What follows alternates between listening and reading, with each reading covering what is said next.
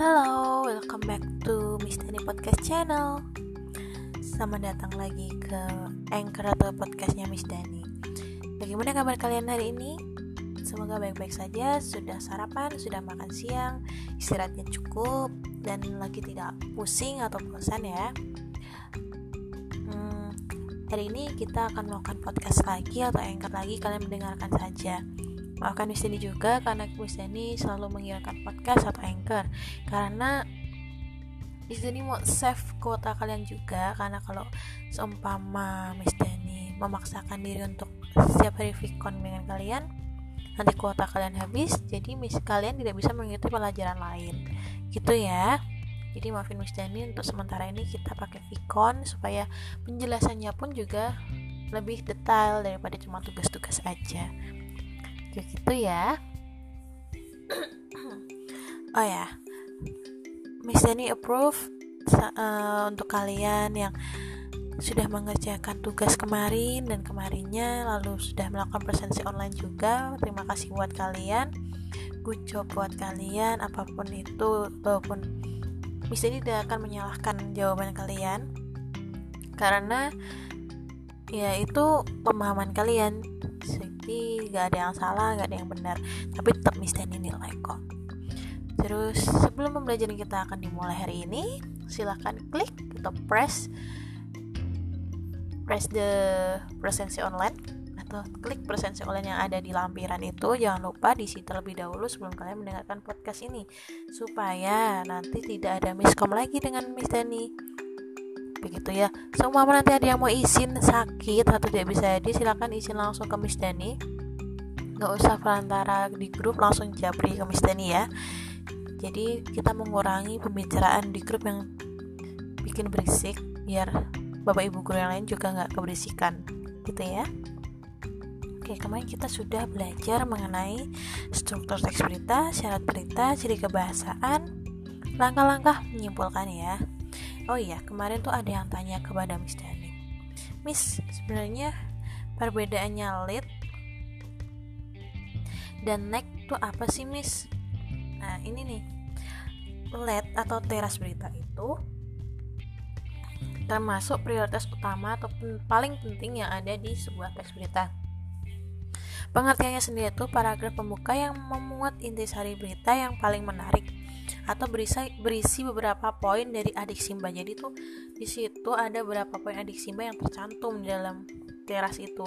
Sedangkan neck atau leher itu bagian sangat penting yaitu peralihan alur atau penyambung alur dari ide berita yang ada pada bagian lead atau kepala berita untuk dilanjutkan kepada gagasan-gagasan yang tertuang pada bagian berikutnya. Bagian berikutnya itu adalah body yang menempati derajat derajat prioritas lebih rendah jadi kasarannya nih si si neck ini atau leher itu jalan antara teras lead atau body. Jadi kayak menyambungkan antara lead dan body. Begitu ya. Kan kayak yang di piramida terbalik tuh. Lead itu paling penting lead dan neck itu paling penting body itu penting leg itu kurang penting sudah paham ya sampai di sini ya? Oh iya untuk gagasan utama kemarin yang tanya gagasan utama tuh apa sih miss? Gagasan utama tuh hal yang paling utama atau hal yang dibahas di dalam teks berita tersebut. Mereka tuh mengusung berita apa sih? Gitu. Kemudian hari ini kita akan belajar mengenai perbedaan fakta dan opini, langkah-langkah penyampaian berita, penggunaan bahasa baku, kemudian ada menentukan isi informasi, jenis-jenis berita, lalu ada menyusun kerangka berita, mengembangkan kerangka dan menentukan judul berita. Hari ini kita agak ngebut ya pelajarannya supaya besok bisa cepat-cepat praktek dan cepat-cepat ulangan harian. Sebelum kita mulai pembelajarannya, silahkan buka buku catatan dan buku suplemen supaya kalian bisa sambil menyimak di buku suplemen. Karena di buku suplemen ini sebenarnya ada cuman ada beberapa poin yang tidak ada di dalam buku suplemen. Langsung saja ya. Perbedaan fakta dan opini. Fakta sendiri itu apa sih mis fakta itu hal yang objektif terbukti kebenarannya. Seperti kalau di teks berita itu ada tanggal, ada nama orang serta umur orang pasti kalau di dalam koran itu ada nama terus dalam kurung itu umurnya si pemilik nama tersebut. Nah, fakta itu ada satu kebenarannya dapat dibuktikan tadi ya. Lalu yang bersifat lalu yang kedua bersifat objektif, ketiga pernyataan bersumber dari peristiwa nyata, riset ataupun pengamatan. Lalu yang keempat bersifat pasti. 5 data akurat. 6 umumnya pendapat setiap orang yang sama. Sedangkan opini, opini itu pendapat, gagasan utama atau argumen. Pendapat, gagasan utama atau argumen. Ini termasuk di dalam kalimat tidak langsung kemarin ya. Sedangkan di dalam bagian opini terdapat beberapa yaitu yang pertama, kebenarannya belum dapat dibuktikan karena opini, gagasan atau pendapat orang. Jadi kayak jarene, jarene ini gini loh miss, gini gini gini. Nah, itu kan belum terbukti kebenarannya ya. Katanya anak itu tuh pinter, tapi kok gini ya. Nah, itu katanya itu termasuk opini atau pendapat orang yang memberitahukan. Kemudian ada bersifat subjektif. Lalu ada pernyataan bersumber dari saran, gagasan atau pendapat pribadi Kemudian ada mengira-ngira, lalu data kurang akurat dan pendapat setiap orang berbeda. Kemudian ada langkah-langkah penyampaian berita. Yang pertama, menentukan sumber berita. Menentukan sumber berita itu sangat penting sebelum kita membuat berita. Sumber beritanya dari mana sih? Dari orang langsung atau kita dari internet kayak lambe turah gitu kan dia pasti cari-cari berita seperti itu wartawan nih tugasnya dia pasti mencari sumber beritanya dari mana sumber berita yaitu yakni peristiwa yang menarik dan menyangkut kepentingan banyak orang kemudian yang kedua ada mendatangi sumber berita mendatangi narasumber atau mendatangi narasumber, mengamati langsung dan mewawancari orang-orang yang berhubungan dengan peristiwa itu. Yang ketiga ada mencatat fakta-fakta penting dengan pola adik simba. Akronim adik simba kemarin apa? apa, di mana, kapan, siapa, mengapa, dan bagaimana. Kalau di bahasa Inggris 5W plus 1H. Yang keempat, ada mengembangkan catatan itu menjadi sebuah teks berita yang utuh, disajikan dari bagian yang penting ke bagian yang kurang penting. Nah, ini termasuk ke pola adik uh, pola piramida terbalik, yaitu headline, lead, nick, body, dan leg. Headline sendiri judul, lead dan neck itu bagian paling penting, body itu bagian penting, sedangkan leg itu kurang penting karena isinya hanya informasi tambahan atau kesimpulan. Kemudian ada penggunaan bahasa baku di dalam teks berita atau di dalam berita uh, dan para pembawa berita itu bahasa baku sangat-sangat dibutuhkan. Tidak boleh menggunakan bahasa yang informal. Jadi bahasa yang digunakan pembawa berita, terus berita-berita yang ada di koran, Line Today, Detik.com, YouTube itu menggunakan bahasa baku, tapi khusus berita ya, bukan yang gosip-gosip itu. Kalau gosip mah boleh kalau memakai bahasa yang non formal atau informal. Kalau berita bahasanya baku atau formal penggunaan bahasa baku sendiri yaitu bahasa standar lebih mudah dipahami oleh umum. Bahasa populer atau kedaerahan akan dihindari oleh media nasional. Kenapa dihindari? Karena banyak orang yang tidak akan mengerti aksen-aksen Jawa. Seumpama nih kalau kita bikin bahasa gaul. Bahasa gaulnya kayak gimana nih hari ini?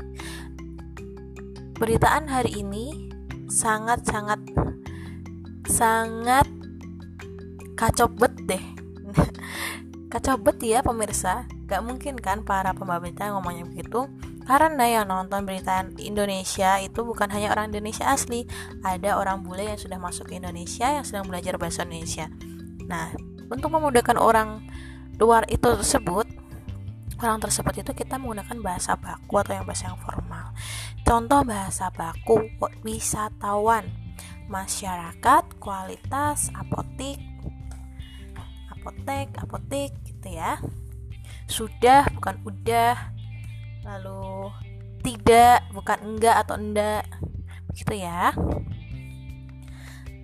Lalu kemudian ada menentukan isi informasi. Seperti yang sudah disebutkan sebelumnya, informasi yang layak diangkat menjadi berita harus memenuhi beberapa syarat, yaitu sebagai berikut. A. Ada faktual, yaitu informasi yang harus berdasarkan fakta, bukan gosip atau isu-isu yang belum jelas kebenarannya.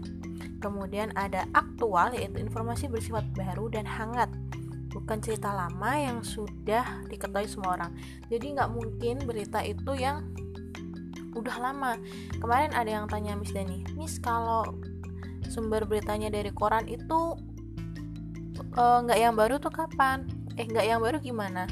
Nah pasti Miss, Dani tanya emang itu tahun kapan? Lamanya tahun kapan?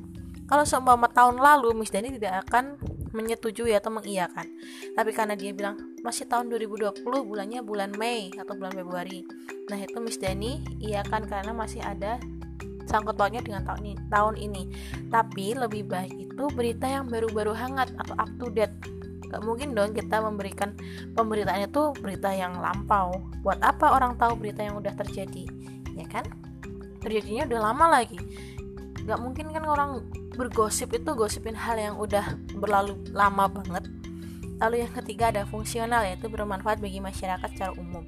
Bentuknya dapat memotivasi dan memberi pengetahuan tentang apa yang terjadi di sekitar. Kemudian ada jenis-jenis berita. Ada berita elementary, ada berita intermediate, ada berita advance. Nah, ini ada di suplemen ya. Silahkan dibuka suplemennya juga. Kemudian ada menyusun kerangka berita. Menyusun kerangka berita itu uh, mengacu pada disimba. Akronim disimba itu ya. Masih ingat ya? kemudian ada mengembangkan kerangka yang terakhir eh yang terakhir belum terakhir nih dan mengembangkan kerangka yaitu jika kerangka sudah dibuat langkah berikutnya adalah mengembangkan menjadi tulisan berita yang utuh. Ingatlah struktur berita yang telah dipelajari pada bagian sebelumnya. Berita dimulai dari kepala berita badan dan kaki yaitu pola piramida terbalik. Jadi setelah kalian tadi menyusun kerangka yang ada adik simbanya jadi kalian sebelum bikin teks berita kalian harus mewawancari narasumber dengan menggunakan adik simba itu lalu dikembangkan menjadi sebuah cerita kerangka cerita kerangka cerita yaitu teks berita tersebut Nah, ini bagian terakhir nih. Menentukan judul berita. Biasanya judul berita itu paling susah dibuat. Setelah mengembangkan kerangka menjadi tulisan yang utuh, langkah terakhir adalah menentukan judul berita. Judul adalah bagian yang sangat penting dari teks berita. Pembaca umumnya akan memutuskan bahwa ia akan membaca atau tidak berdasarkan judulnya.